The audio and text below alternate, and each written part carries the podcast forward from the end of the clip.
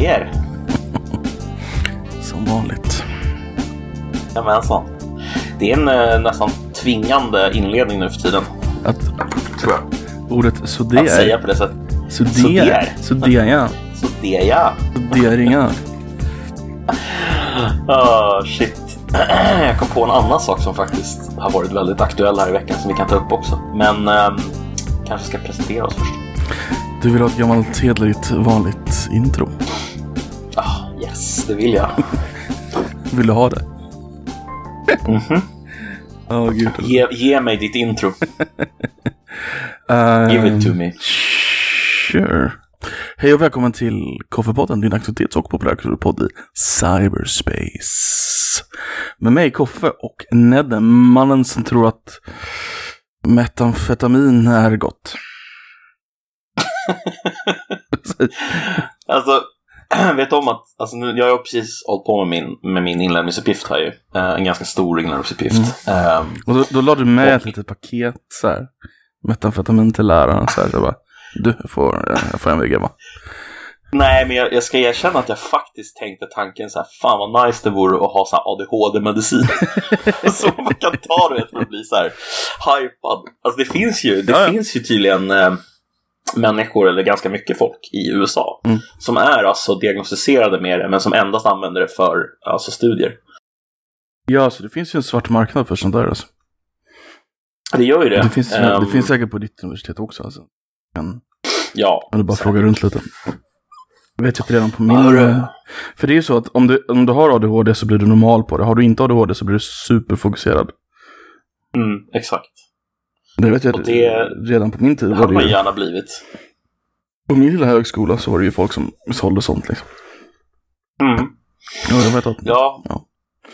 Jag tror faktiskt att det borde vara lätt, rätt lätt att få tag på om man nu verkligen vill. Nu Mm. gjorde jag ju inte det, men Nej, men man jag kan tänka mig att ehm, ångrar nästan att man inte testade. Jag hade kunnat...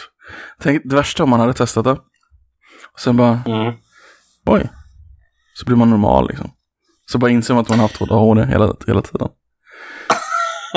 det är ju bara no! Samtidigt så är det ju att det hade ju varit positivt också, Ja, alltså, absolut. att komma på det. Absolut. Men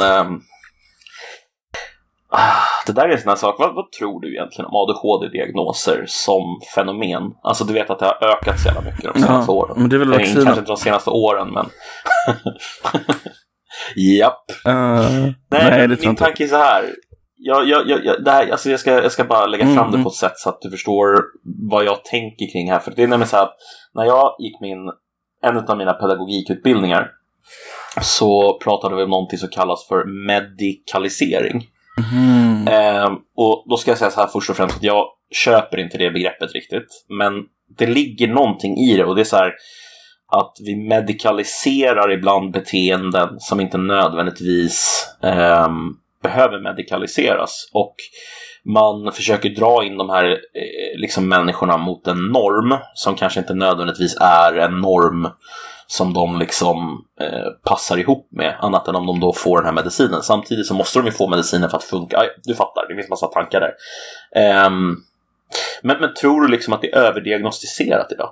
Eller tror du att det är underdiagnostiserat? Eller är det helt rätt? Så här, det här kommer vara lite invecklat, men bear with me så att säga. Eh, Mm. Tanken jag fick när du sa det där, det var att ehm, allting är mycket snabbare idag än det var för 50 år sedan. Liksom. Mm. Det vet vi till och med på liksom, filmer och sånt där, att du, du, kan, du kan inte hålla en... eh, jag studerar ju filmvetenskap då, du kan inte hålla en scen lika länge idag som du kunde göra förr för att folk tappar intresset. Och det är samma sak om folk sitter och kollar på tv så tappar de intresset för de sitter och kollar på tv och har en mobiltelefon samtidigt. För folk kan inte hålla, hålla uppe mm, saken lika länge. Och vi pratade om förra veckan att ele- e-, eleverna kan inte sitta och läsa en text lika länge heller. Så om du har då en förälder som är på det sättet. Så att föräldern har väldigt lite tålamod. Men om du har då en unge som har liksom kanske är normal. En normal unge, alltså du, den svarar ju inte direkt. Utan den, alltså en unge i femårsåldern liksom. Mm. Den går ju runt och lever sitt liv. Om då inte ungen svarar direkt och inte... Och sen när ungen kommer in i 7-8 års ålder och ska in i skolan så här. Om inte den bara sitter och svarar på frågan rakt upp och ner så upplevs den ju som en, en stökig unge. Men det är ju ganska normalt barnbeteende. Men jag tänker att lärare och, som då också är ganska unga och, och eh, föräldrar som också är ganska unga, de, deras tolerans har ju sänkts. I och med att Mm. de också är mycket snabbare. Så då blir det ju lättare för dem att istället för att försöka se något fel i sig själva och eh, lära ungarna att vara, ja, kanske, man kanske inte ska lära ungarna att vara sådana. Men istället då för att, ja, att de, att de ser det som ett me- medicinskt problem, att ungen inte liksom, lyssnar på dem direkt när ungen, ungar ska inte lyssna på föräldrarna direkt, det har de aldrig gjort. Vad jag menar? Mm, ja, absolut. Det, det här kanske inte är liksom huvuddelen i hela, men det var en tanke jag fick när du började prata om det. Nej, men jag kan köpa det på någon nivå. Alltså det, det finns ju det finns ju något som heter DSM-5. Mm, det är den amerikanska. en D- jag vet inte om det har kommit en DSM-6 nu, men, men oavsett så är ju det efter, det är efter den eh, så att säga manualen, eller vad man ska kalla det för, Mm. som du diagnostiserar. Eh, Mm. Även här i Sverige. Därför att det är ju liksom, ja, det är den mest framstående forskningen på området typ. Mm, det, här, det här är Eh. liksom alla psykologiska företeelser. Liksom. Det är inte bara det är inte bara ADHD, utan det är flera grejer. Nej, precis. En slags övergripande- Och sen så... Så i den så står det då liksom, ja men så här, så här artar sig ADHD. Och om du har mer än typ 10 stycken av de här 30 eh, karaktäristiska dragen så kan det tyda på att en, mer genom, att en utredning behöver göras. Typ. Mm. Alltså åt det hållet ungefär. Ehm, men samtidigt är det ju så här. Det är ju lite så här. Varför går gränsen, säger vi 10 och inte vid 9 eller vid 11? Alltså, Mm. någonstans måste man ju uppenbarligen dra en gräns. Men det kan bli väldigt så här. Alltså, för det är ju ganska stigmatiserande också att få en diagnos. Mm. Även om man liksom har blivit bättre med det i Sverige så är det ändå så här. Om du vet att du har en diagnos, andra människor vet att du har en diagnos, så är det klart att det kan vara stigmatiserande. Så det behöver ju inte vara liksom positivt om man nu är precis på gränsen. Jag, jag- vet inte. Jag, Nej, jag förstår. förstår. jag tycker det är en komplicerad fråga i alla fall. Tror du inte att, det kanske jag som tolkar det så, att det har på något sätt bland ungdomar idag så har det blivit lite inne att ha en diagnos. Att man nästan, man söker det, det blir en del av ens offerkultur liksom. Jo, absolut. Så det kanske inte är helt... Det kanske är jobbigt för dem att söka jobb, men det kanske inte är så jobbigt för dem i kompisandan att ha en diagnos. Nej, det, det, det, det ja. jag, jag tror också att det ligger någonting i, i det. Just det här att det har blivit trendigt Mm. att ha någon typ av eh, ja, offerskap Mm. eh, i någon mening. Och då söker man efter liksom sätt att få uttrycka sitt offerskap. Speciellt kanske om man inte identifierar sig med den gruppen i samhället som är mest framgångsrik. Alltså Mm. typ eh, de som det går bra för så att säga. Utan att man identifierar sig med någon slags ja, underdog-position typ. Ehm, Man vill ha det där utanförskapet, det är liksom inne att vara utanför på något sätt. ja, det, det, det, det finns någonting i att liksom att slå underifrån, att vara förtryckt, det, det ger dig någon slags eh, någon slags cred. Det gör det ju. Mm. Ehm, det är lite udda det där egentligen. Alltså, Folk jobbar sig inte uppåt, utan de jobbar sig neråt. ja, Fast eller alltså, genom att jobba sig neråt så jobbar de sig egentligen uppåt. Ja, det är liksom som att man har vänt på steken. Mm. Alltså, självklart är det ju inte, alltså jag menar ju inte att det här är ett större fenomen än motsatsen. Det vill säga att man faktiskt försöker ta sig uppåt. Nu gör jag så här klamrar. Mm. Eh, eller citattecken. Men, ehm, men det är ju ändå någonting som jag tycker man kan se i Mm. samhället. Absolut.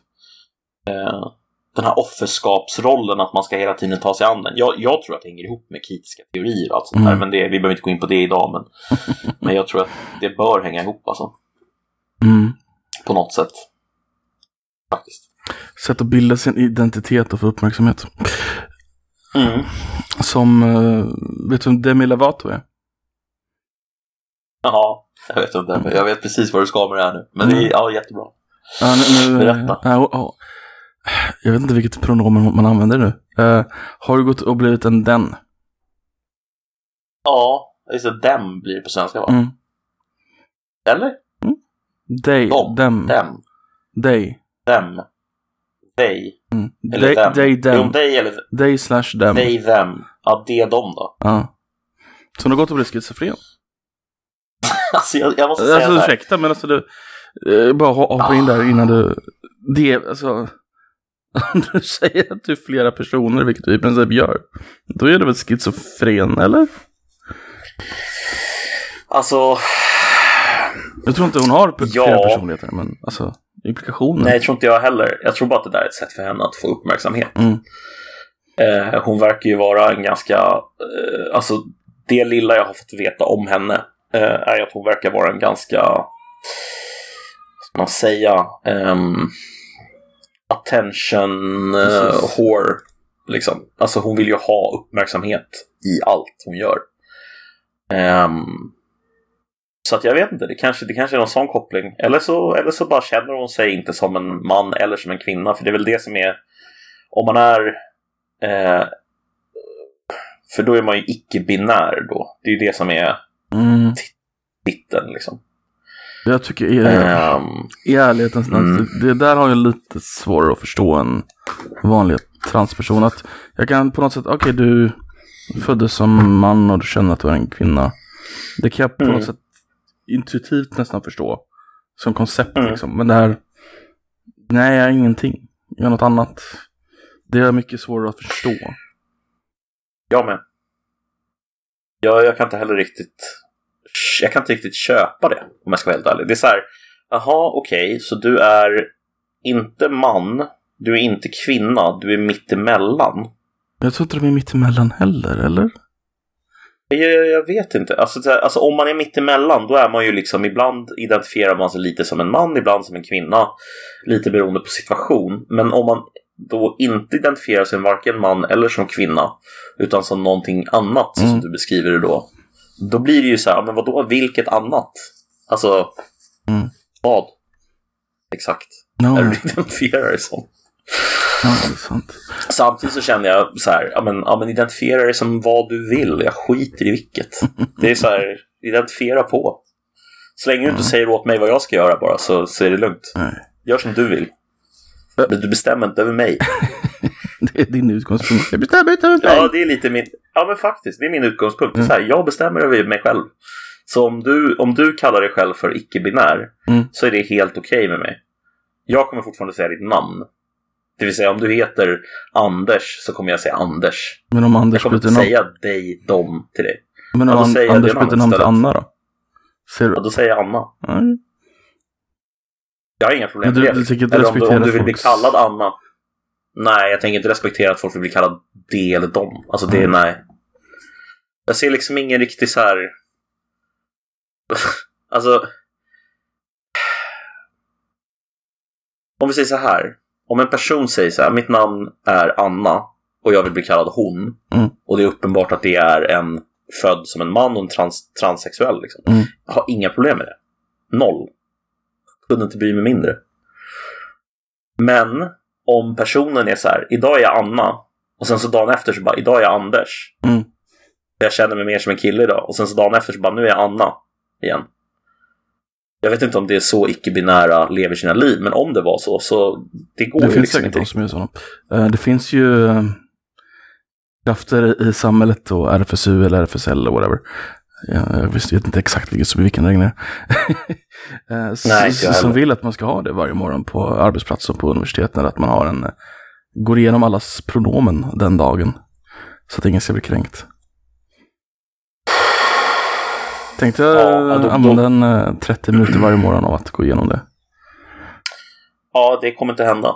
Alltså jag kommer inte gå med på det. Jag kommer bara, ja, men då kommer jag bara säga du istället.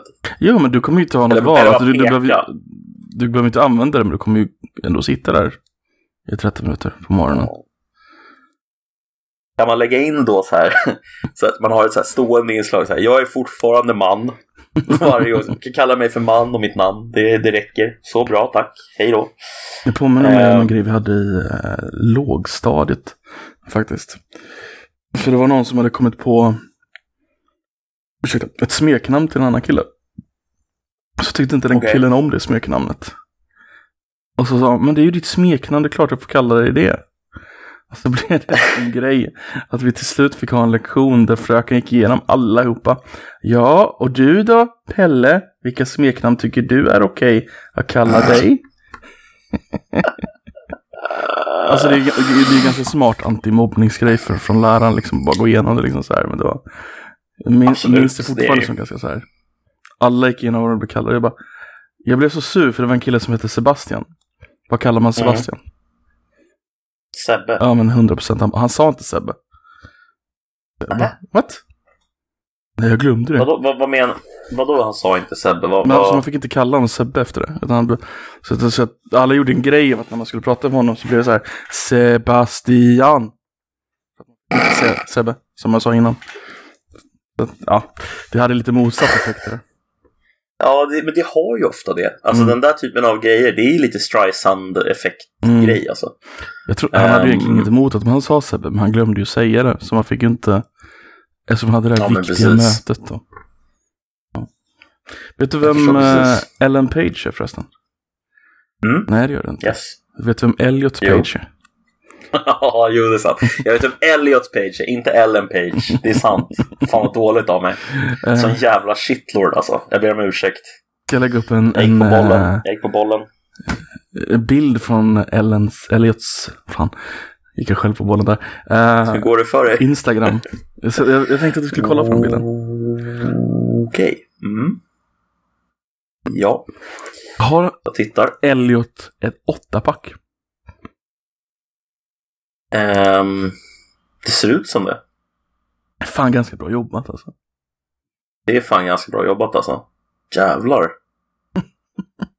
eh, ja, och gjort en masektomi har hon gjort också. Han Ja, gjort också. Elliot Elliot. har gjort en Ser jävligt masektomi. glad ut dock. Ja, jag menar alltså vad fan. Om eh, Elliot trivs bättre som Elliot än Ellen, Mm. alltså who am I to judge? Fan, lev ditt liv. Men det, du, du har sett liksom... en gammal Ellen Page-film? Ja, ja visst. All, såg ju alltid så här jätteledsen ut. I alla filmer. Jag har Ja, aldrig sett människan le förut typ. Men nej. jag ville bara så ta i den där jävla åttapacken. Helt sinnessjukt bra jobbat. Jag blir ju avundsjuk för mindre. Alltså, det är väldigt fascinerande egentligen. Alltså det har ju alltid funnits liksom folk som är Mm. eh, mm, ja, som, som identifierar sig på olika sätt. Alltså så har det alltid varit. Liksom. Det är inget nytt egentligen. Nej. Eh, det som är nytt tror jag, det är att det är så otroligt många människor idag som, som identifierar sig så. Så, Och det, det tror jag ju Ja. inte nödvändigtvis är, alltså det är lite samma tror jag som eh, med eh, ADHD och medikaliseringen av ADHD. Att det blir väldigt sådär, är det här verkligen så eller är du påverkad av massa olika saker i samhället som gör att du drar åt det här Mm, hållet just nu mm. men det kommer ändra sig när du blir lite äldre. Liksom. Precis. Ehm. Jag tror att det kan vara tvådelat det där. Att dels att det är liksom den slussen är uppe nu. Det är mer okej liksom att vara trans. Så många som vet vara det innan kan göra det utan större problem i västvärlden Mm. idag. Eh, samtidigt så tror jag att också då blir det lite av en trend. Så att vissa liksom ser det som ett botemedel mot någon annan typ av Ja, någon annan typ av problem. Att om någon kommer ut som trans och löser alla problemen för då får de ett nytt liv och då blir de nya och glada människor. Så att Vissa Ja, blir nog eh. influerade medan en viss, ganska många är nog är genuina. Att de varit tvungna att hålla inne det så pass länge. Så att det, att anledningen till att vi ser så många nu då är den här tvådeligheten liksom. Mm. Det kommer Ja, att vara en liten peak och sen kommer det gå neråt igen tror jag. Ja, jag tror att vi lever under liksom ganska... eh, Det kan inte hålla i sig på det här sättet, tror Mm. jag. Att det är en så stor grej liksom. Och folk pratar om det så mycket i media hela tiden. Och det är liksom, utan det måste ju någonstans bli normaliserat då så att vi slutar eh, prata om det på det här Mm. sättet. För att det, det, det är ju ett ämne som är uppe i debatten och i media och i liksom olika forum och sådär hela tiden tycker jag. Jag tycker jag ser det överallt alltså. Ja, ja, det är Ehm. på tapeten hela tiden. Och så fort någon säger någonting om det så kommer det upp på tapeten. Så någon kommer ut. Eller någon, ja. ja eller som Ekis Ekman då sa att, jag gjorde ju en bok om att det inte riktigt var som det var vad jag förstod. Jag har inte riktigt Jo men precis, och det hon var- måste ju få ha den åsikten Mm. liksom, utan att det blir Alltså det, det behöver inte nödvändigtvis sluta i att så här, ja men hon får inte komma till det här universitetet och håll, hålla sin föreläsning. Men så blir det alltså, alltid. Alltså har du en... Jo men jag menar det är ju det, är ju det som är miss, det är ju så jävla dumt. alltså, då, det är då man ger liksom vatten på kvarnen till sådana här Mm. diskussioner. Vad fan, låt folk tycka olika istället. Det är Alltså, fine. Speciellt universiteten okej. som ändå ska vara ett ställe att utmana sina idéer och tankar att du ska växa. Men intellektuellt Ja. på ett universitet, det är ju verkligen tanken på ett, universitet. Det är där de någonstans bör ju bjuda in kontroversiella, kontroversiella personer. Ja, verkligen. Eh, jag tänker på den här ehm, Twitch-grejen. Um, apropå kontroversiella grejer när det kommer till alltså så här, diskussioner som är uppe i media hela tiden. Mm. Kan, inte du, kan inte du förklara den lite för mig? Jag, jag har inte Kontroversiella riktigt hängt grejer i med. Twitch. Jag vet vad Twitch, är Twitch. för på första början. Ja, men det vet jag absolut. Jag Mm. tittar på Twitch ibland. Jag brukar titta på typ Lyric. Kan jag titta på någon gång. Tycker han är så trevlig att titta på. För massa jävla år sedan så fanns en, en webbstreamingtjänst som hette Justin TV. Ehm, som var en allt i allo streamtjänst. Uh, där man fick Mm. streama. Sen tog den, eh, den dog ut, men gaming-sektionen där överlevde. Och blev Twitch. Eh, bara lite sidetrack. Uh, och de hade i början en väldigt hård anti... Vi får gå den här vägen, vi får ta den långa vägen. Hoppas det är okej.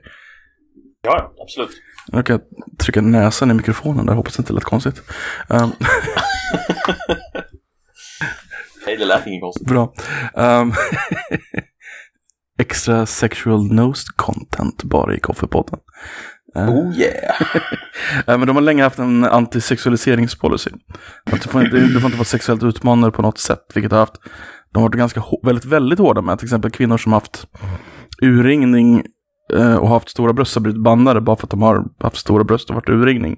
Även om de bara råkar Jaha. ha det, eh, till exempel. Eh, eller, eller, eller till och med kvinnor som kanske har suttit i en för tight kläder. Uh, och så har de haft, ofta, ofta är det ju stora bröst då, för det syns ju liksom. Eh, uh, med, med dem. Så uh, de har blivit liksom bannade för sexualisering, liksom, för att det, det här är inte vad vår plattform handlar om, det ska vara pure liksom. Sen så har de böjt de där reglerna lite mer och mer för, för kändisar då, folk som drar in mycket pengar till plattformen. Uh, för, Mm. för de tjänar ju, alltså man kan, man kan prenumerera och, och donera via plattformen så att då får ju de en del av de här pengarna. Uh, ganska stor del av pengarna. Så ju, ju mer ju kändare och större och aktiv en person är, ju mer pengar tjänar Twitch på den här personen. Um, så de råkade... Efter några år så skapade de en, eh, en sektion som var IRL. Alltså du, vill bara, du behöver inte streama spel, du kan streama andra saker. Så då fick du massa IRL-streamers. Um, och då började ju folk gå och bada till exempel. och då var det så här, då blev det lite problematiskt. Kan man få bada eller inte? Och ja, så bara, ah, då, då, och då Twitch är en ganska gammal plattform i det här laget. Jag tror det är tio år. Så då blir det liksom, ja men du kan ju inte förneka kvinnors rätt att bada liksom. Så då blir det liksom på något sätt okej. Och Sen så drog, gick det lite fram och tillbaka där tills någon på Twitch råkade försäga sig att ja, det är klart du kan få streama via, i en hot tub. Eh, att du får vara i bikini om du streamar i en hot tub.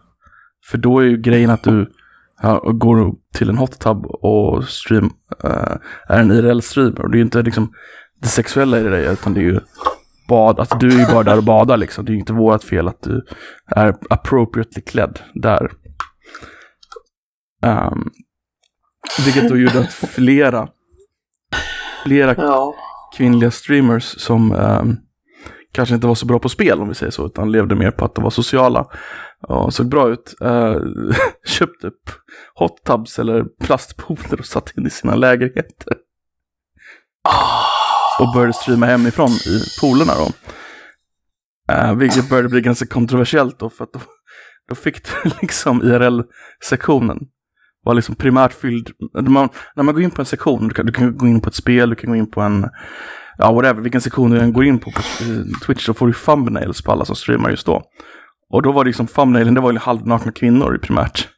För att det var en massa kvinnor som satt, satt i sin pool och, och i bikini och streamade och satt och pratade med folk. Och så kunde man, ja ah, donerar ni, och så hade de olika så här, goals typ, ja ah, donerar ni 50 euro så får du ditt namn skrivet på min kropp. Uh, och så var det, det är liksom en vanlig grej. Eh, uh, 100 euro så byter jag bikini. Eh, så var det var en som hade en, en sån här um, studsmatta bredvid poolen.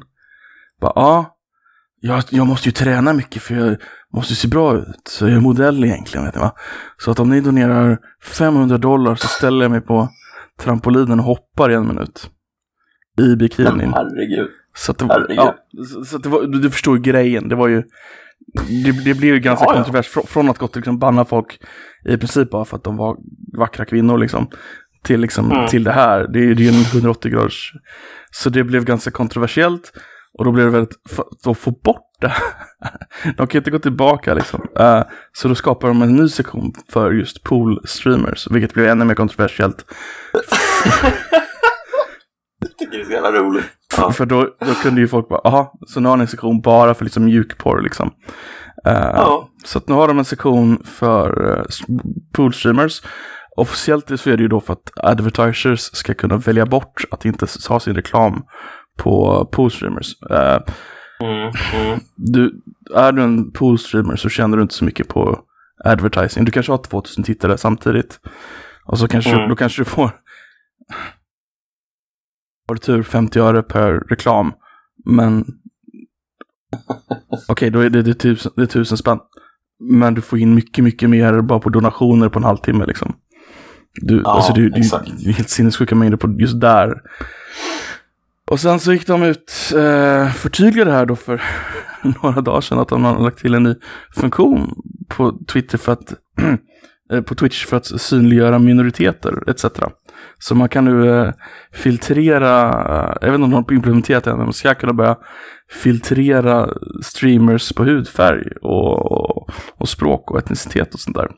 Vilket då gör att du kan helt enkelt gå in på poolstreamen och säga vill, vill, vill du ha en, en vit kvinna med blåa ögon så kan du liksom, så bara klickar du på det filtret helt enkelt. Liksom.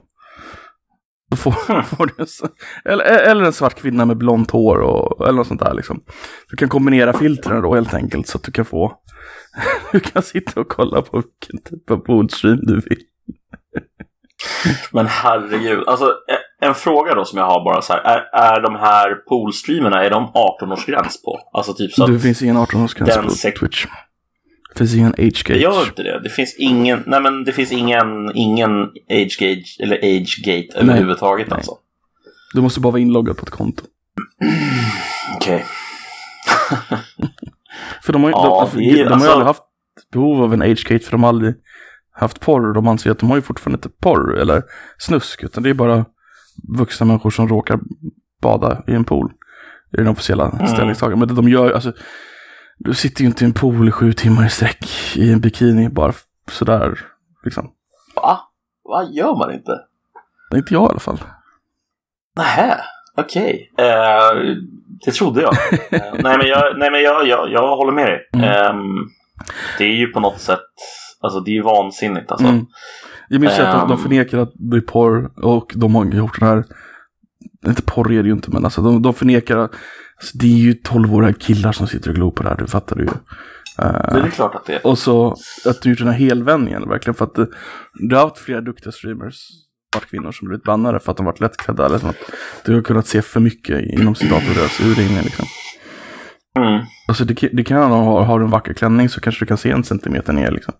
Alltså, whatever. Du kan vara, du kan vara en professionell streamer i alla fall liksom. Du kan ha uh, bra gaming liksom. Men det är ju alltså, det är någonting i hela den här liksom, vad ska man kalla det för? Ehm, Twitch, eh, Twitch-kontroversen som, som skaver mer för min del. Och det är ju det här att man ska kunna filtrera på, på etnicitet. Mm. Men det är Alltså- någon slags, det är ju, det är ju woke-grejen. Det är ju att de vill göra det lättare för folk att kunna hitta svarta streamers liksom. Mm, exakt. Mm. Eh, och på samma sätt så gör det det lättare för någon som vill bara vill se vita Men streamers. det gör ju det, gör ju det. Men det är ju samma sak på Alltså det är liksom ett tvåeggat Ja, svärd. men det alltså, är ju det är ju... revolutionen äter sina barn. Ja, faktiskt. Alltså, det här känns verkligen som... Alltså, du vet Klarna och Google som ska ha såna här, eller Google framförallt, och som Mm. har så här black-owned business eh, liksom Mm. på... Det är ju det, det, är ju det fast taget till nästa nivå eh, på något sätt. Eh, jag vet inte vad nästa steg efter det här är. Men alltså det finns ju folk Eh. har, i USA, för den här Blackout Business-grejen är ju större i USA. Ja, ja visst. det finns ju liksom appar som använder den APIn för att för nazister liksom, för att du inte ska besöka en sån butik liksom. Ja, och det är, ju, det är ju på riktigt ett ganska självklart och väntat use case.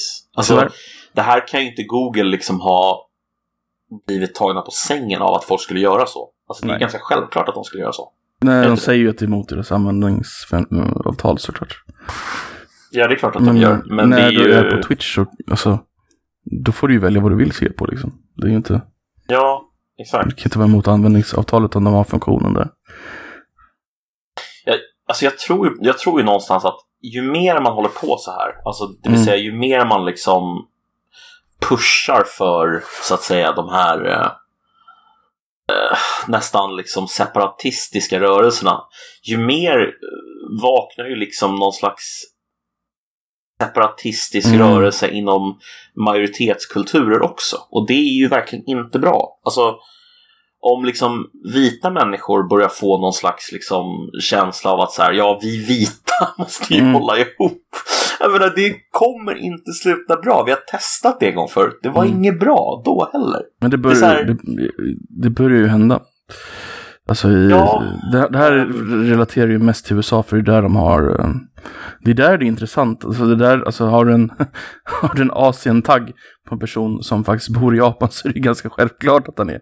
Alltså, det är inte lika, Ja. lika intressant. Men vet, kommer du ihåg den här All Gas No Breaks YouTube-kanalen? Eh, ja. Han har ju, det är ju en jävla rolig sidohistoria för övrigt hur han blev fuckad på det namnet. Han har ju startat sin nya kanal nu. Ehm, Men vä- vänta, var inte det den här snubben som typ drog ut och så här, han eh, Gonzo. intervjuade Ja, folk? precis. Ehm, Visst gjorde han det? han, han blev fuckad på det namnet på grund av att han hade skrivit på ett jättedåligt avtal. Så han har ju skapat en ny Okej. YouTube-kanal. Ehm, jag, kan, jag kan dra det snabbt. Eh, han fick en, all hans utrustning, all, han fick lön och han fick den här RVn som han åkte runt och filmade allting med. Eh, han hade Mm. fått det av ett produktionsbolag och skrivit på något kontrakt. Eh, och sen i det kontraktet låg då att det företaget ägde allt han hade. Eh, Hans YouTube-kanal och sådär, så helt plötsligt bara aktiverade de den klausulen så att de tog hans YouTube-kanal och började publicera andra grejer på den. Och han fick inte tillbaka den. Va? Ja. Fan vad skevt. Ja, han skrev på det. Men han hade inte Jo, läst, jo visst, han han, hade inte skulle ha läst läst kontraktet. avtalet. Han har byggt, Nej, precis. så, I alla fall, han har startat en ny kanal. Channel 5 News kallar han den. Okej. Vilket är ett ganska roligt namn förut. Uh, men det, det senaste han var på, det var ju ett White Lives, White Lives Matter Rally. Liksom. Alltså, Så det händer ju liksom. Så det är klart att ju mer du... Just ju mer du trycker Ja, på den där det- det- knappen, är klart. ja, det är klart att det Klart blir det händer, så. liksom. Alltså, hur skulle det inte kunna bli så? Alltså, det är klart att folk... Alltså, så här, det, det, det, det naiva i hela grejen är ju så här, ja men det, då kommer ju folk förstå att svarta människor har liksom haft eh, sociala eh, nackdelar i USA under lång tid och det finns problem och så här. Mm. Ja visst, vissa kommer förstå det. Men vissa kommer också bara totalt kliva in i liksom identitära rörelser och bli Mm. liksom ehm, ja, bli rasister. Alltså det, Mm. det är vad som kommer hända, tror jag. Och det kommer inte sluta bra alltså. Det kommer liksom Mm. inte bli något bra Men det, det finns ju resultat. svarta supremister i USA också såklart. Um, Ja, och så det finns ju de här som, um, som är förvånansvärt stor grupp som vill ha reparations för slaveriet. Um, för att det ska då gå till arv där att de har uh, less fortunate. Och då vill de liksom Mm. att alla vita i hela USA ska betala dem. Och du kanske har kommit dit som uh, svensk. Svenskarna bodde i, Minnesota primärt för ungefär Mm. 100-150 år sedan. Alltså efter inbördeskriget. De hade inte så många slavar. Som det är liksom en sån, en svenskättling helt enkelt. Och så ska du bara, ja men nu ska du betala för, för att du är vit. Det, det är Mm. klart att du blir förbannad. Alltså på riktigt liksom. Du har, inte, du har ingenting med det att göra. Din familj har inte någonting med det att göra heller liksom. Det är liksom, du är ju inte skyldig för det egentligen. Nej. Mm. Jag håller med dig. Och, och det här blir ju liksom i, i förlängningen så blir det ju då en alltså vi mot Mm. dem-känsla. Ehm, det är faktiskt ganska intressant. Jag, jag läste nyligen ehm, en, eh, om en teori inom socialpsykologin som heter social identitetsteori.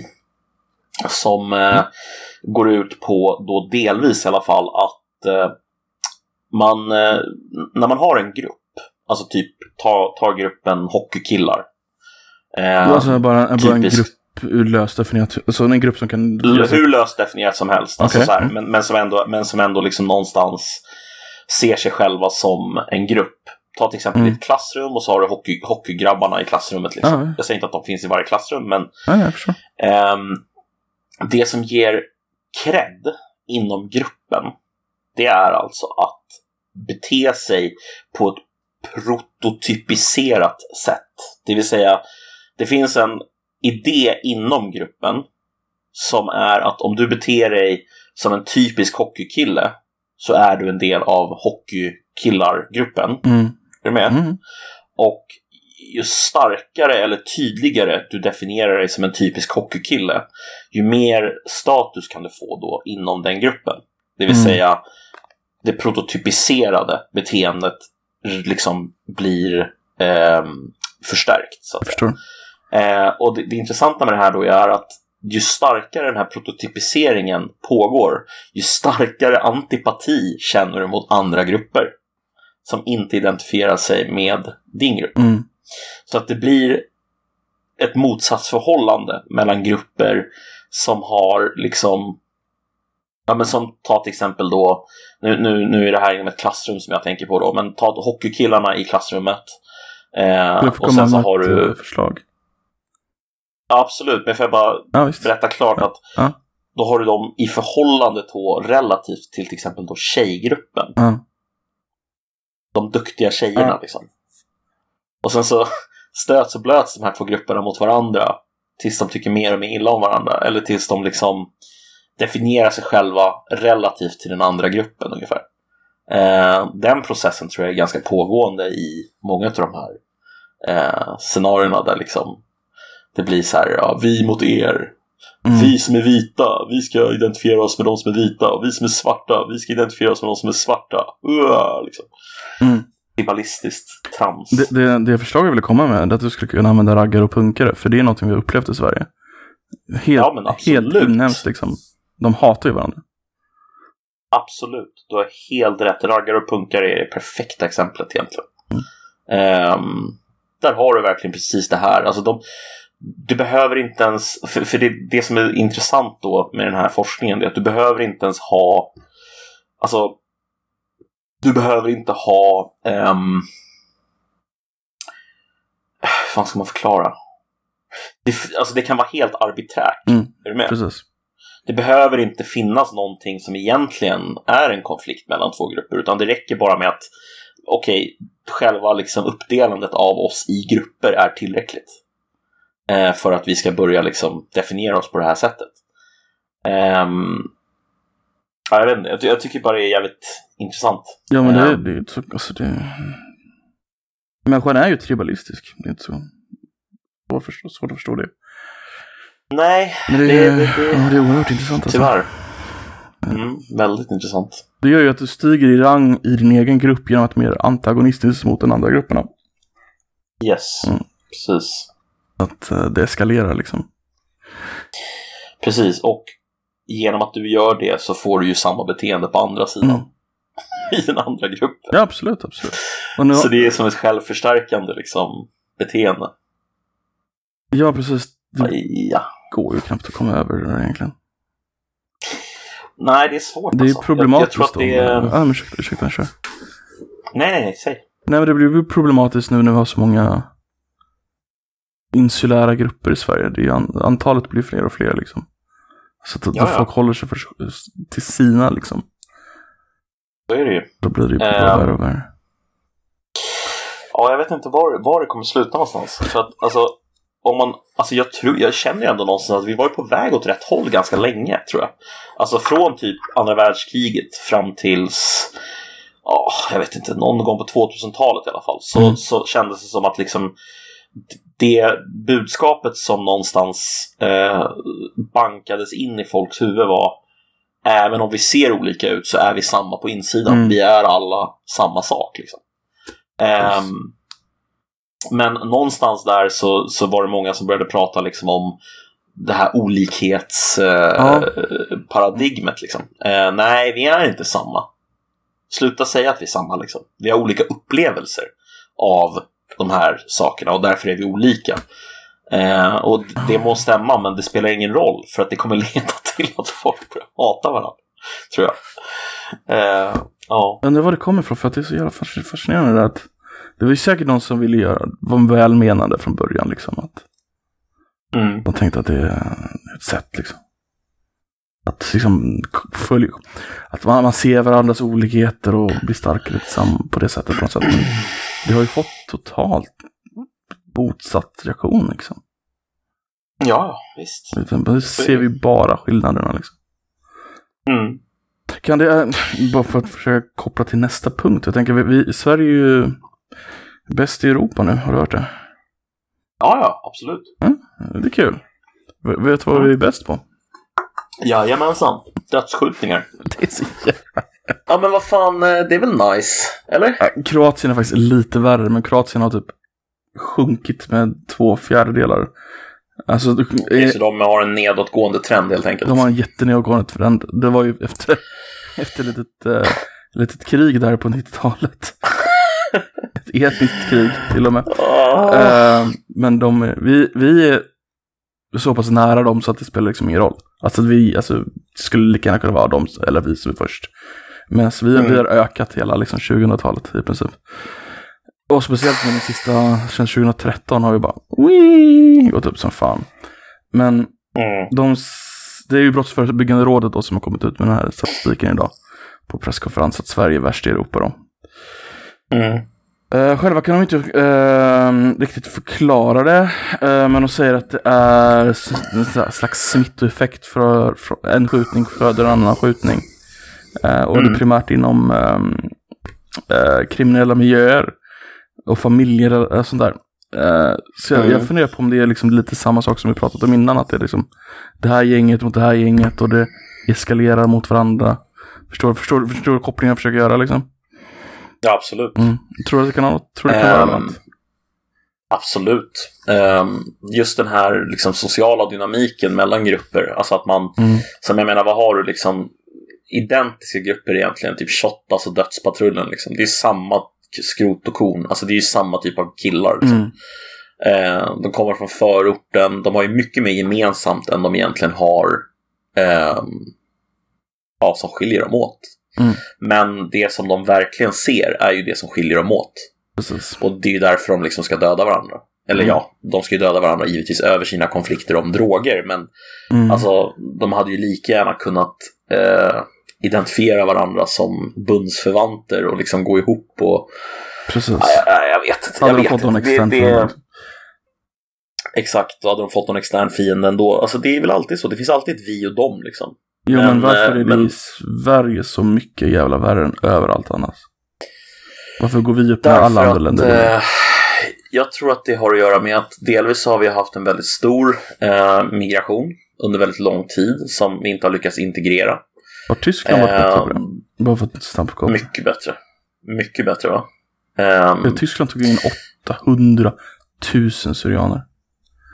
mm, Vilket är en sinnessjuk siffra. det är ett gäng alltså. och sa samtidigt, Men- där väger, hö- växer högerextremismen som fan just nu. Eh, Jo, det är klart att den gör. Och jag menar, det gör den i alla de här länderna. Alltså, den växer i Sverige också. Mm. Det är liksom, alltså, Kristdemokraterna tänker du på? ja, ja, ja absolut, absolut. Nej, jag skojar.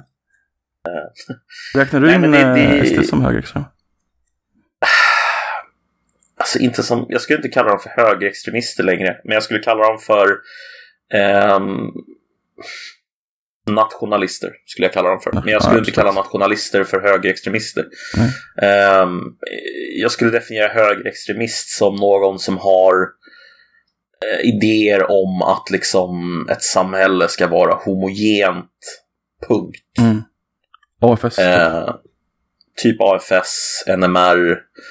Eh, det finns säkert människor inom eh, NMR finns inte SD längre. som har sådana åsikter. Nej, de heter något annat va? SMR. Heter de SMR? Vad står det för då? Scandinavian. Okej, de har gått upp i någon slags Scandinavian-grupp alltså. Ja. Tror det va? Ja. Eller heter den kvar? Ah, ja. Nej, jag, vi, vi, vi går en intressant framtid till mötes i alla fall. Kan vi ju konstatera. Um, ska bara bygga mitt lilla gated community. Ja, vi inom har ju inte riktigt det- rättighet att göra gated communities i Sverige heller. Det är lite Nej, vi läskigt. ändrar lagen. Det är inga problem. Alltså Vi jag... ändrar den Nej lagen. men det är, det är ju ganska läskigt att leva så. Alltså att vara det farligaste. Vi är ju de facto då, därmed det farligaste landet i Europa. Ja, wow. Efter, ja det är om, man definierar farligaste landet som det som har högst dödsskjutningar. Det kan ju vara så. Jo, men- farligaste som dödsskjutningar. Det farligaste är ju där, där du inte kan ha elhelikopter på land. Men skulle man inte kunna, skulle man inte kunna, jo jag fattar, men skulle man inte, man skulle ju kunna definiera det, ja men vänta. Man skulle ju Ja, kunna ja. definiera farligaste landet i Europa som det landet där du har störst sannolikhet att bli utsatt för våldsbrott. Jo, det har vi Det nog ganska inte- det hög också inte nödvändigt- Det tror jag också. Men alltså det är inte säkert att vi Nej, har. det är inte säkert. Absolut, jag, jag förstår Eh. exakt vad du menar. Det låter bara så jävla roligt när du måste göra en invändning. Ja, men du kan ju inte definiera det som det högst, med högst dödlighet. Med vapen, du får ju hitta något annat. Det, är, det där är ett jävla politikersvar, alltså det måste du erkänna. Ja, det är det ju. Definitivt. Det är definitivt ett politikersvar. Det är ju det är något, det är någonting som är fel i alla fall. Mm. Det, det måste vi kunna konstatera. Alltså vi, har ju, alltså vi har gjort fel längs med vägen. Mm. Alltså, och det som jag tror återstår att göra nu, alltså det är ju liksom skärpa straffen. Mm. Alltså skärpa liksom eh, polisens befogenheter så att de verkligen kan eh, komma till ja, skott och förändra den här situationen. För att om vi ska behöva vänta på att den här situationen löser sig med liksom hjälp av typ fritidsgårdar så Nej, ja, nej. det kommer nog inte gå så bra. Jag har ju ingen lokal. Ehm. Fantastisk jävla för, förutseende sketch där. Vi har ingen lokal. Um, Vilken sketch är det? det är ju uh, Yrrol-gänget som gjorde en lokal. Med ungdomsvåld på Jaha. 90-talet. Och så bara, Vi har ingen lokal. varför gjorde ni det här? Ja men vi hade ju ingen lokal. För det var någon fritidsgård som lagt ner så skulle trodde alla. Så men då kommer det bli våld där. Ja, men det är Så så bara, här. varför gjorde ni det? här? Varför ingen lokal? Men om... sen så är det väl bevisat också Nej, att, men varför säger jag det? Det är väl bevisat mer eller mindre att unga män är ju som begår de flesta våldsbrotten. Mm. Och jag menar, om du får sitta i fängelse i tio år så att du inte är en ung man längre när du kommer ut Mm. så är sannolikheten att du begår brott lägre. Så att, alltså, det finns ju den aspekten på det också. Lås in de här dumma jävla idioterna i typ 10-15 år så att de inte kan begå de här brotten. Och sen så när de kommer ut så är de för gamla. Så då orkar de inte begå de här brotten längre. Och några kanske fortsätter, men det är fortfarande bättre än att liksom... Alltså, så här, det finns ju chansen att du träffar ganska bra kontakter och sånt i fängelse om du är en småbrottsling. Ja, men Men självklart. samtidigt, alltså du kan, alltså det finns ju någonting för att låsa in folk och att de, alltså, att de mognar till sig på något sätt ändå. Alltså. Ja, Mm. Sen så är det ju ett jävla fel i, i uh, domarväsendet i Sverige. De, de dömer ju inte till de brotten som den straffnivån som bör göras. Liksom. Nej. Och det vet vi ju. Det, det finns ju politiker som går ut och sagt det här var inte meningen med den lagen vi sa, utan vi ville ha det här straffet. Ja, men om man kollar så går det faktiskt att döma till det där. Om man tolkar det sådär. Går då domarna ut. De, domarna är lite mesiga i det här landet. Faktiskt. Ja, alltså det, det, det är ju det är någonting med det där. Alltså... Mm. ehm, Nej, men du vet vad jag refererar till. eh, Mm. jag tänker, jo men absolut, jag, tänker, jag vet precis vad du refererar till. Jag tänkte dra kopplingen till Kör. när man genomförde, eh, när man införde den nya läroplanen och tanken var att det skulle bli mer ordning och reda i klassrummet. och det var absolut inte så som Skolverket tolkade eh, direktiven, utan det fick man ju backning på sen. Man fick ju gå ut och mer eller mindre be om ursäkt för att man hade liksom skrivit om allting. Så det sitter ju liksom aktivister eh, Mm, mm. på myndigheterna som ja, de har en agenda och de, de försöker så mycket som det går att liksom få in sina tankar och sina idéer om hur saker och ting bör vara. Mm. Eh, så att, ja, Det där är jävligt Det- läskigt alltså. det, det, det är inget bra. Det är direkt, o- det är direkt odemokratiskt. Ja, det, det är det. Vad tycker du om, ehm, jag tror jag pratat om det innan, men jag kommer inte riktigt ihåg vad du sa, om uh, slottsdoktrinen. Eh, Castle Doctrine i USA. Ja, precis. Eller alltså, ja. Jag pratar som behöver inte vara den amerikanska tillämpningen av det hela, utan mer en, uh, Mm. Stand your ground, typ. Det Nej, stand, det här. ground är en annan grej. Standard ground tar slottsdoktrinen och för den till allmän plats. Slottsdoktrinen är mer att ditt hem. Ja. Alltså, jag är ju kanske... Alltså jag vet inte, jag, jag, jag, fattar ju liksom inte varför... Ja, men om vi tar det här exemplet som vi har tagit upp förut med den här mannen som blev som fick eh, straff för att han sköt en kille som bröt sig in på hans, Mm. eh, i hans hus. Eh, pratar om han det? som uh, hade blivit hotad den där killen innan också. Precis, exakt, Mm. exakt. Det är ganska naturligt att man jag- skjuter honom, tycker jag. Ja, jag tycker ju det också. Och det är så här, där, där, gör ju, där gör ju då, på grund av att vi har ett rättssystem som ser ut som det gör, så gör man ju då en bedömning och man tänker och funderar och så här. Mm. Mm, undra, undra vad det är för någonting som, eh, liksom, var, det- var det verkligen rätt det han gjorde? Ja, han använde övervåld och sådär. Men, men jag kan känna att någonstans så måste man kunna få sätta ner foten och så här, Mm. det här är mitt hem. Precis. Eh, om du försöker bryta dig in i mitt hem så kan det mycket väl sluta med att du dör. Mm. Det, det är liksom det är inte någonting som vi vill ska hända, det är inte någonting jag vill ska hända, men bryt Mm. inte dig in i mitt hem om Precis, du precis. verkligen vill undvika den, den risken. Mm. Ehm, så att jag vet inte, jag är väl, jag är väl lite kluven inför det kanske. Men hur känner du inför Det det? låter som att du var ganska mycket för det tyckte jag egentligen. Liksom. Jo, men jag är för det. Jag är för det på en nivå. Men Mm. jag ser även att det kan leda till ganska stora problem också. Mm. Ehm, Nej, jag är... Därför att, alltså, ja, ursäkta, kör.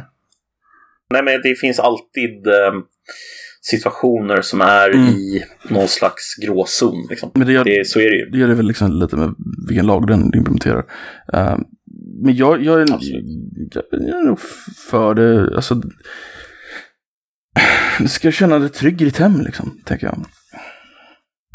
Alltså, vill du inte att jag svarar mig? Kom inte hit då. Jag, jag, Nej, precis. det här är ju en defensiv lag i och med att du går inte ut, du är hemma. Det är de som kommer till dig och bryter sig in med våld hos dig. Då bör du ju kunna försvara det. Alltså det är en ganska grundläggande grej egentligen om man tänker efter liksom bland annat hur samhällen har fungerat i gener- generationer. Att det är ju ganska udda att vi kommer till en punkt där vi har ett samhälle som säger nej, du får inte försvara dig hemma. Du får inte försvara dig överhuvudtaget. Du ska ligga ner och ta där. Det är Mm. jävligt udda. Det är jävligt, jävligt udda egentligen. Ja, jag håller med. Alltså det är ju någon slags eh, pacifistisk hållning som är nästintill omöjlig att leva upp till Mm. i verkligheten. Ehm, nej, jag vet inte, jag är inte jätteimponerad av Sveriges eh, lagstiftning överhuvudtaget kring brott och straff Nej. och eh, den där typen av grejer. Jag, jag menar, det finns ju en balansgång där mellan så att säga straff och rehabilitering. Men jag tycker Mm. att vi har någonstans alldeles för långt liksom Mm.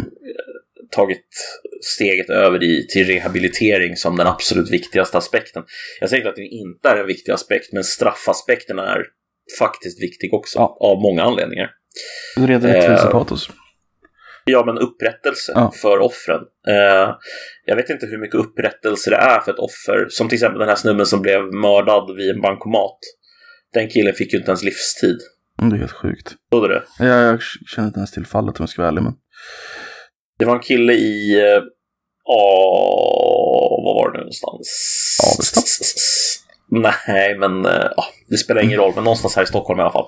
Mm. Skulle ta ut pengar från en bankomat, kommer upp en kille och sticker ner honom med en kniv. Eh, och eh, den killen hade dödat en annan snubbe innan också. Så han har två liv på sitt samvete. Och han dömdes nu till typ nio år i fängelse eller sånt där. Och då kommer han väl rimligen ut. Jag tror det var det, nio år i Och så är fängelse. det hans första jobb, brott, så då sitter han halva tiden typ. Typ, som med gott uppförande kommer han ut efter typ 75 procent av tiden. Ja men så du har ju två tredjedelar bara rakt av. För att du ska för någon jävla anledning ska man sitta den sista tredjedelen fritt. Eh, Det har vi bestämt. Och sen så får du extra tid för gott uppförande och så får du extra tid för att du Ja, är första gången. Så du, du, han sitter ju typ hälften.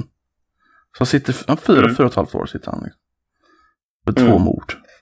Kalla Mm. mord. Bara för lite, så här, Mm. lite, vad kan du ta ut max Och så typ var han 10 000? ju- Han lär ju inte ha tagit ut 10 000 heller. Så, han fick ju också någon typ, han var ju psykiskt sjuk på något sätt också.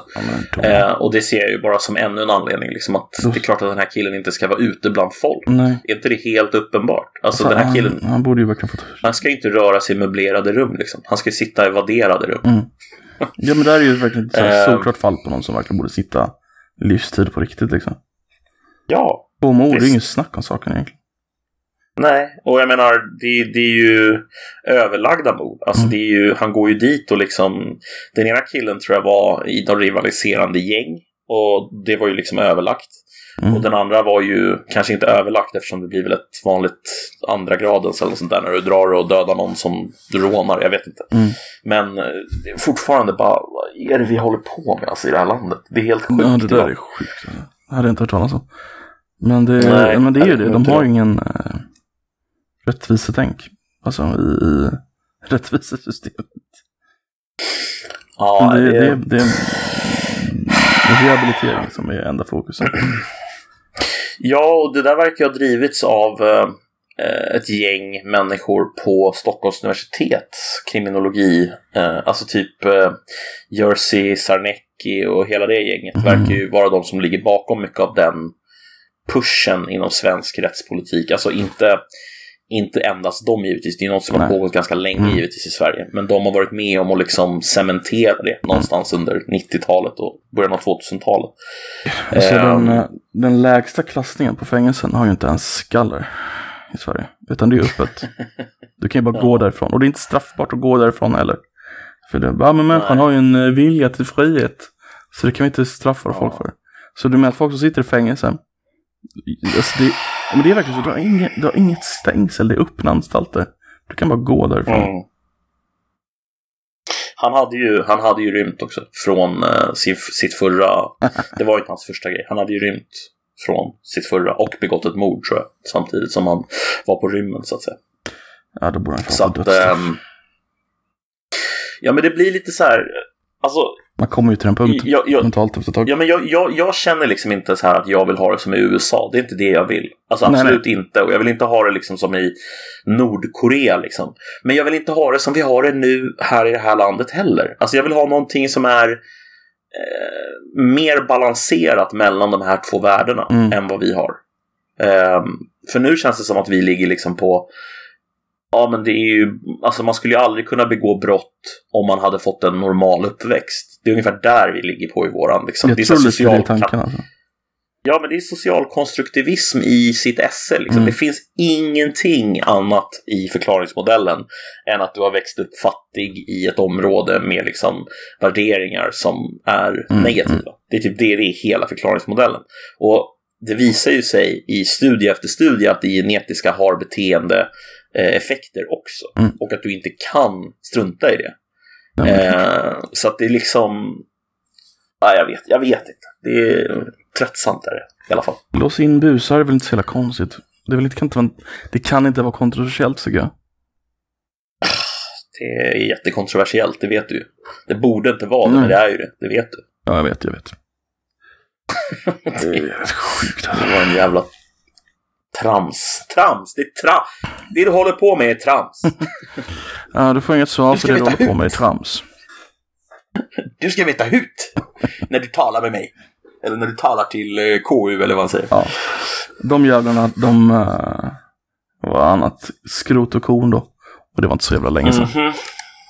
Nej, det var fan inte så jävla länge sedan. Det är ganska Det var typ sjukt. slutet på, slutet på 80-talet va? Ja, på- slutet på 80.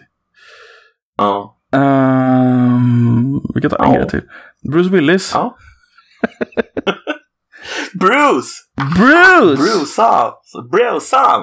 Brucean alltså! Ja. När var senaste gången du såg en Bruce Willis-film?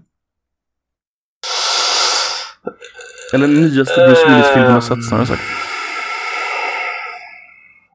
Du kan ju ha sett en repris. Eh, kanske um, den sista Die Hard jag såg. Och det var ju typ den när de... Ja, kanske 2011 eller sånt där kanske. Jag vet inte. Den senaste han gjorde, som var Die Hard. En av de senaste Bruce Willis-filmerna jag sett. Eh, den senaste Die Hard, ehm, Var det den med helikoptern eller var det den med i, i, i eh, Ryssland? Ja, ingen aning. Ja, du, du, 2013. Ryssland känner jag inte igen. Okej, men då säger vi att det var 2011 eller 2009 då. Uh, Mm. visst har han fallit på kartan? Han är inte aktuell alls längre. Nej, han måste väl ha sagt någonting säkert. Man, ja, jag har inte sett att han gjort det, det är det som är grejen. Ja, jag vet inte. Alltså han... Eh, har han inte varit känd som jobbig att arbeta med eller sånt där? Kanske han. Eh, jag vet inte om det stämmer. Nej, det, Han är ingen Daniel Day-Lewis, det förstår jag ju, men ändå. Danny Day-Lewis är ju fantastisk i och för sig. Ehm, Jo, jo, Han- men han ska ju vara rätt jobbig att arbeta med som jag förstår. Ja, ja, han, Daniel Day-Lewis, han gör ju typ att en film varannat år. Just för att han går in i rollen Mm. så pass hårt. Att han inte släpper rollen under hela inspelningen. Det är svårt, att svårt att förstå alltså. Hur han orkar vara så. Men han, han gör ju uppenbarligen en sån jävla inlevande, eller han- alltså Mm. inlevelsen han har i sina roller är ju eh, absurd Helt alltså. sjukt. Två grejer om honom. Han, hans fru är regissör. Eh, Mhm. Så hon bad honom att vara med i en av hans filmer. Eh, hon bad honom att vara med i en av hennes filmer. Och han bara, ja, visst, Mm. självklart. Eh, för då trodde hon att de skulle få spendera lite mer tid tillsammans för en gångs skull. Han bara, nej, nu ska isolera mig. Mm, nope, För att få det in den kommer här inte rollen. hända. Eh, så det hade hon lite surt. Och sen den här, den här, det här har jag nog sagt förut, men jag tycker det är fortfarande så jävla coolt. Eh, du har sett There Will Be Blood, Jajamensan. oljekillen. I drink your milkshake. Drink it up! Eh, han, eh, du vet i slutscenen där när han pratar med pastorn. Han blir förbannad. Det var inte i manuset att han skulle kasta den där jävla bowlingkloten på pastorn. Han gör det bara för att han är med i rollen och den riktiga bowlingklot. Så den här killen då, Alltså det där är så jävla sjukt. du ser helt panikslagen ut för att han får bowlingklot på sig. Det är för att han är är alltså- panikslagen och får bowlingklot på sig. Alltså det är så jävla sjukt. Det är så jävla stört. Men samtidigt Mm. så jävla coolt också. Alltså det, blir, det är ju skådespeleri av en, alltså på en nivå som är, Ja, det är helt... ja det är helt otroligt egentligen. Ja, fy fan. En annan sån här känd person som jag hörde var ett riktigt jävla asshole alltså. Det var ehm, Hitchcock. Jag tänker mig. Um, har du hört talas om vad han gjorde mot en av sina, eh, de som jobbade på, vad fan heter det? Kameramän, tror jag det var. En, en av kameramännen. Uh, nej, Han, eh, han, gjorde, han gav honom ett, här, ett vad. Han slog vad med honom och sa så här. Om du kan stanna här på där vi spelar in liksom, under Mm. natten på den här sängen fastkedjad Mm. så får du 100 dollar. Okej. Han bara, det är väl inga problem. Liksom. Men eh, så skulle han dricka någonting innan typ. För att han skulle bli kissnödig. eller så Det var något sånt. Mm. Då hade han liksom spicat upp den där med laxeringsmedel. Nej. Han låg och sket på sig hela natten. I den där sängen. Och- och så kom han tillbaka på morgonen och bara så här. Ja, det var väl, det var väl kul va? Ungefär. och han bara låg där i sina egna avförings, liksom pölar av avföring och bara grät liksom.